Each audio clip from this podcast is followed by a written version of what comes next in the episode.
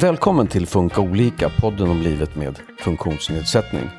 Niklas Wennerlunds dotter föddes med omfattande funktionsnedsättning. För honom tog det många år att nå acceptans och ta sig ur sorgen över att livet plötsligt vände. Hör honom berätta om vägen dit och hur han idag även motiverar andra genom löpargruppen Bara vanlig, en grupp för personer med funktionsnedsättning.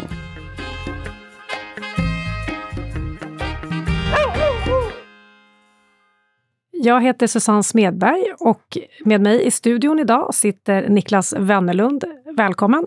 Tack! Tack för att jag fick komma. Du är förälder till Melina och grundare av Bara vanlig som är en löpargrupp för personer med funktionsnedsättning. Men vi börjar med Melina. Vem är hon? Melina är en 26-årig eh, tjej som har personlig assistans och eh, går på daglig verksamhet hon har precis fått ett nytt beslut från Försäkringskassan. Juhu! Eh, vi har rätt till dubbelassistans igen. Vi blev av med det några år efter gymnasiet. Hon gillar musik, hon gillar att hänga med kompisar. Eh, hon är rätt aktiv. Trots hennes eh, epilepsi som hon har dagligen och Eh, hon har svårigheter att röra sig. Och därför behöver hon två assistenter för att röra sig. Hon lärde sig gå när hon var fyra och ett halvt år. Vad har hon för funktionsnedsättning? Har hon någon diagnos eller? Hon har ett syndrom som äh, drabbar bara tjejer. Det vill säga att man har fel på X-kromosomen. Det är 25 stycken tjejer i Sverige som har det otroligt ovanligt syndrom. Hur ser er livssituation ut idag, din och Melinas? Bor hon hos dig eller? Ja, hon bor hos mig varannan vecka. Sen bor hon hos sin mamma varannan vecka. Så hon växlar då, som ett skilsmässobarn kan man väl säga. Men assistenterna följer med henne hela, hela vägen. Vi vill ju att hon ska flytta hemifrån, men det är ju inte vi som bestämmer om hon ska flytta hemifrån, utan det är ju faktiskt Försäkringskassan och kommun som, som bestämmer. Det handlar ju om att få rätt personer, rätt personliga assistenter. Det handlar om också att hitta ett boende som är tillräckligt tillgängligt anpassat. Om eh, vi går tillbaka i tiden då. Hur eh, har det varit genom åren att vara förälder till Melina? Från början så förträngde jag lite att jag hade ett barn med funktionsnedsättning. Det var, jag var ung, väldigt ung som pappa. Jag var 26, 27. Jag var inte mogen till att bli pappa. Min första dotter för, blev jag pappa till när hon var 21. Men jag kände att jag hade inte levt, levt livet. Jag ville hänga med mina kompisar, göra andra saker helt enkelt. Så det var när vi separerade 2000 som jag tog mitt ansvar som pappa. Innan dess så på något sätt så tyckte jag att det var jobbigt att överhuvudtaget ens prata om det och jag förminskade att hon hon var inte så, hon hade inte så grav funktionsnedsättning. Men hon var ju så pass liten och det är precis som många föräldrar säger, man, man märker att ju äldre de blir, desto mera behov märker man att de behöver stöd från samhället. Så hur uh, hanterade ni den där, de där första åren då? De första åren så, så jobbade jag väldigt mycket. Uh, jag valde att jobba, eller valde gjorde jag inte, men det, det blev så att jag jobbade. Någon var tvungen att skulle dra in pengarna till, till familjen. Och i och med att eh, mamman till, till Melina jobbade inom sjukhus och som barnundersköterska så var det ganska självklart att läkarna pratade med henne och, och liksom gick igenom de bitarna med henne. Jag försökte ett tag komma in i, i det hela, men, men eh, det var ganska svårt att komma in i den där sfären och då var det enklare att fly. Och jag tror att det är väldigt vanligt att man flyr eller så tar man 100% ansvar från, från första början. Men jag, jag var en fegis och eh, flydde i början. Du sa att du var ung och ändå kände att du hade inte levt livet och sådär. Hur var det att få besked om att eh, din yngsta dotter då hade funktionsnedsättning? Förstod du att det liksom skulle förändra någonting eller vad tänkte du om det där? Nej, jag, jag hade faktiskt inte en aning om hur, hur grav funktionsnedsättningen skulle bli. det är någonstans liksom när de är fem sex år gamla, när man märker hur mycket stöd och behov personen behöver. Men det var ju inte först vid skilsmässan, separationen 2000 som jag tog ansvar. Och då jobbade ju mamman inom vården. Hon hade svårt att byta tider, så jag hade dem i princip på heltid och hade inte personlig assistans utan då ett halvt vårdbidrag. Och från att ha varit den här mönsterarbetaren på, på, på jobbet så ville jag gå ner i arbetstid. Det var en jätteomställning för, för mig och det var väldigt tufft de första ett och ett halvt åren där. Då var jag på väg att gå in i väggen. Jag var på en hälsoundersökning av en eh, läkare från jobbet. Jag hade topp på fysvärdena och, och alltid tyckt om att röra mig och träna och så. Men sen så gick hon in på de här psykologiska frågorna. Och hon ville sjukskriva mig för post... Åh, oh, det här är ett svårt ord. Posttraumatiskt stresssyndrom.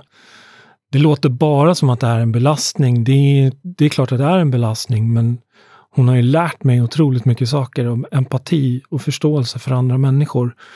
Att kanske inte ha så bråttom, utan vänta in. Hon har ju en intellektuell funktionsnedsättning, vilket gör att det tar lite längre tid för henne att svara. Och att man faktiskt väntar och väntar in och har den respekten.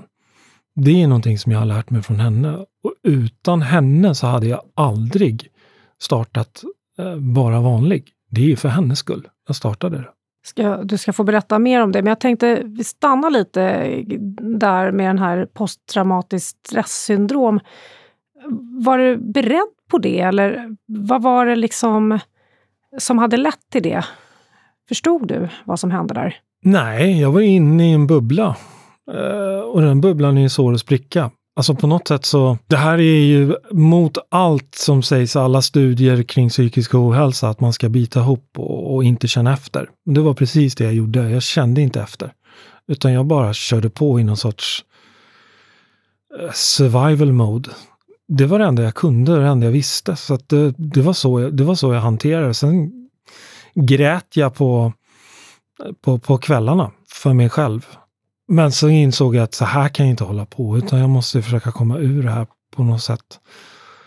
Och hur jag kom ur det, jag kom ur det genom att faktiskt acceptera att jag fått ett barn med, med särskilda behov. Och att världen kommer inte se, se ut likadant som för alla andra. Utan det kommer vara, det kommer vara annorlunda och göra det bästa av situationen. Det, det låter som att du eh, på något sätt eh, plötsligt bara tog tag i eh, ditt mående eller din psykiska ohälsa. Men har du reflekterat över om det var något särskilt som fick det att vända för dig? Något i dig som ledde till den här förändringen och acceptansen?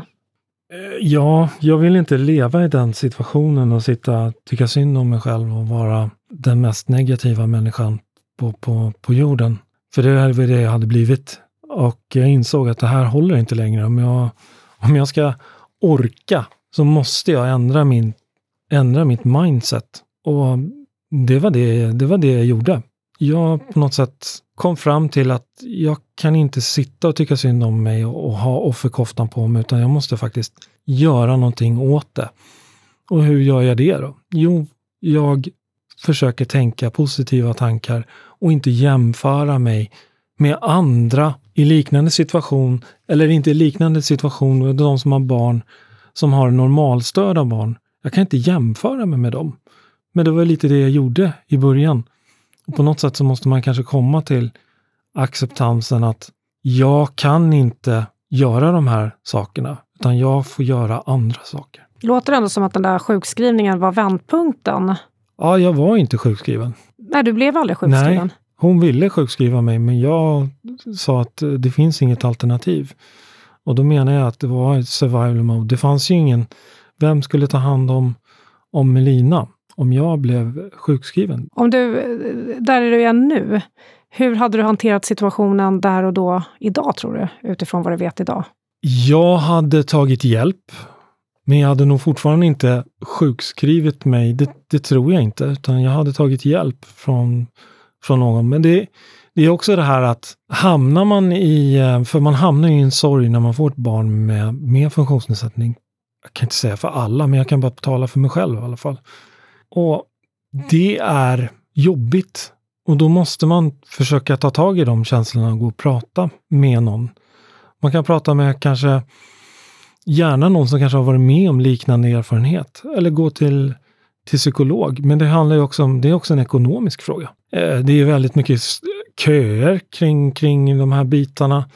Och habiliteringen, ja de hörde av sig två år senare liksom att man kunde få stöd och hjälp. Och jag tror att man måste vara lite mer på när det är liksom i början. Kanske höra av sig fyra, fem gånger innan man bryter igenom skalet på en, på en funkisförälder.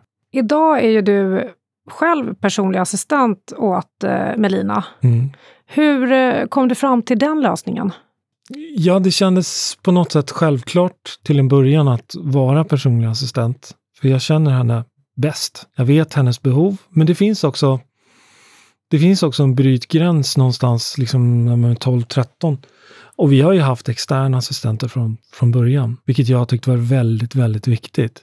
Och nu när hon är vuxen kvinna så jag vill ju inte vara personlig assistent för henne. Men saker måste till. Alltså man måste få, få det här bostadsbidraget, man måste få det här bostadstillägget. Och man måste få en massa saker på plats innan man kan bara släppa. Sen tror jag aldrig man kan släppa taget helt, utan på något sätt så är man ändå involverad. Och det får man någonstans acceptera. Jag tror att det är svårt att få den situationen som för alla andra, att bara flytta hemifrån. När du tog beslutet att bli Melinas personliga assistent, på vilket sätt eh, förbättrade det din livssituation eller er livssituation så att säga? Jag har alltid liksom velat inte bara vara personlig assistent utan även ha ett annat yrke för att kunna landa men det, det gav ju en ekonomisk trygghet på, på, ett, på ett plan. Men det, framför allt, det absolut mesta, det var ju att jag fick lära känna Melina på riktigt. Jag fick ju lära mig allt om henne. Jag fick ju gå in i hennes värld och möta henne på, henne, på hennes villkor. Så det var det absolut bästa. Men till en början var det ju otroligt jobbigt att ha personliga assistenter i hemmet. Det var ju ingen som hade jag fick ett arbetsledaransvar. Jag hade ingen erfarenhet av arbetsledning. Eh, jag var ju ganska kontrollerande och liksom titta över axeln på, på assistenterna. Det måste vara ett helvete för de assistenterna i början. Men det var ju för att man själv inte visste hur man skulle hantera det. Nu skulle jag säga att det är, det är en eh, otrolig tillgång för, för Melina. Det frigör ju att hon kan gå på Allsång på Skansen, att hon kan träna med oss, att de kan träffa kompisar, att de kan göra saker. Du har ju också startat föreningen Bara vanlig. Vill du berätta lite, vad är det för någonting? Ända sedan Melina har varit liten så har hon alltid tyckt om att röra sig på de mest omöjliga ställen. Som jag sa så har hon ju dubbelassistans, det vill säga hon har två assistenter. Och då har hon en som ett rött midjebälte längs med midjan med två häller. Så att man kan hålla Ena assistenten håller det ena och den andra. Och så går hon i mitten och då rör hon sig på sitt sätt. Hon springer, hon går. Så jag startade en eh, löpgrupp tillsammans med, med Melina. Från början så var det bara jag och Melina och hennes personliga assistenter. Och det var på Hellasgården. Och jag ringde till Hellasgården och frågade om jag fick dra igång en, en löpgrupp för barn, ungdomar och vuxna med funktionsnedsättning. Ja, det får du absolut göra. Så då gjorde jag det. Och eh, första träningen så var det bara hon och jag. Andra träningen så, så kom det några, några stycken. Men det absolut viktigaste var att Melina har ju någonting som heter podd, där hon kan liksom peka på, på symboler och kan säga ja och nej.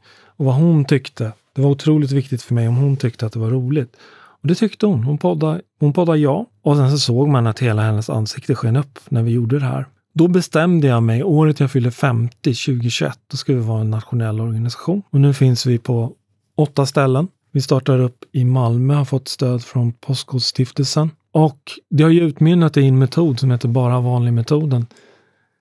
Som bygger på self-determination theory, där, där det handlar om att man får göra någonting som man är bra på. Man får göra någonting som man tycker är roligt. Och vi jobbar med MI istället för att förutsätta att de tycker det är kul. Tyckte du träningen var kul? Ja, då har jag redan bestämt att den är kul. Då kan man fråga, hur upplevde du träningen? ja, då kan de ju säga att eh, löpningen var jättetråkig, men det var otroligt roligt att fika. Ja, och sen så lägger vi över ansvaret så att deltagarna får bestämma sin egen, sin egen uppvärmning. Vi har personer med grav autism som har varit deltagare, som nu är ledare och håller i passen. Vi jobbar mycket med att stärka deras självkänsla. Vi sätter inte mål, utan det är de själva som sätter vad de vill göra. Och då vill vi bara möjliggöra det och försöker möjliggöra så att de kan göra det. Några har mål, några har sprungit liksom två varv istället för ett varv. Andra går, andra rullar. Man bestämmer själv. Det låter som att det har hänt ganska mycket på kort tid sedan du, Melina och eh, eh, hennes, eller en av de andra personliga assistenterna startade det här. Vad har du liksom fått driv och ork att starta den här föreningen eller driva på med den? Ja, drivet kommer ju från Melina. Hon är ju en sån person, hon är ju person som har dagligen kramper men ger aldrig upp. Och jag har fått en liten, liten, liten gnutta av hennes driv, eh, vilket gör att jag, att jag orkar. Eh, och sen brukar jag alltid tänka, även i de här svartaste stunderna så finns det alltid folk som har det värre än en själv. Men min vision är ju att vi ska vara en eh, nationell organisation där vi kan hjälpa så många barn och unga och vuxna som möjligt ut i rörelse och framförallt bryta ensamheten för, för den här målgruppen. Det är likadant med föräldrar som också har det svårt att liksom, träffa kompisar. Så vi, vi bryter barriärer både för, för hela familjer. Du har ju också skrivit en bok och du föreläser och du har tidigare haft en podd tillsammans med andra pappor. Vad har varit viktigt eller är viktigt i de forumen att förmedla, tycker du? Är det någonting som saknas? Ja, att samhället på något sätt kanske ska börja titta på, på, på målgruppen funktionsnedsättning och eh, funkisföräldrar. Jag menar, en funkisförälder har i runda slängar 35 till 50 kontakter som man ska bolla med. Om man bara kan få lite stöd och hjälp på vägen så tror jag att många ska kunna komma ut i arbetslivet. Så det finns en oändlig potential att hämta för, från samhället och sen även att personer med funktionsnedsättning, det handlar om bara lite, lite, lite små anpassningar i många fall, så kan de komma ut i arbetslivet och det är väl det jag brinner för. Och att de ska få en aktiv fritid, att alla ska ha rätt att bestämma över sitt eget liv. Och för egen del då? Vad gör du för att få återhämtning, ork eller hantera eventuella motgångar och svackor? jag har ju mitt, eh, mitt nätverk. Jag har ju mina två funkispappor som man kan höra av sig till. Men eh, prata med likasinnade som faktiskt förstår ens situation. Det är ganska lönlöst att prata med en, en, en vanlig kompis som uttrycker det så, för han kan aldrig sätta sig in, eller hon kan aldrig sätta sig in i den situationen. Och där känner jag att det finns avsaknad av stöd för framförallt unga pappor. Det skulle jag vilja försöka ändra på. Ja, får vi se om du har tid till det efter att eh, Bara vanlig har blivit en nationell förening. Absolut, det kommer jag ha tid för. Och det är någonting som jag brinner för, att liksom prata för unga pappor, att de ska inte behöva gå igenom den psykiska ohälsan som jag gjorde, utan ta hjälp och snacka med någon. Och snacka med någon som kanske har varit med om det. Där säger jag stort tack till dig, Niklas Wennerlund, grundare av föreningen Bara Vanlig. Tack så mycket för att jag fick komma. Du har lyssnat på Funka olika, en podd från Habilitering och hälsa som är en del av Region Stockholm.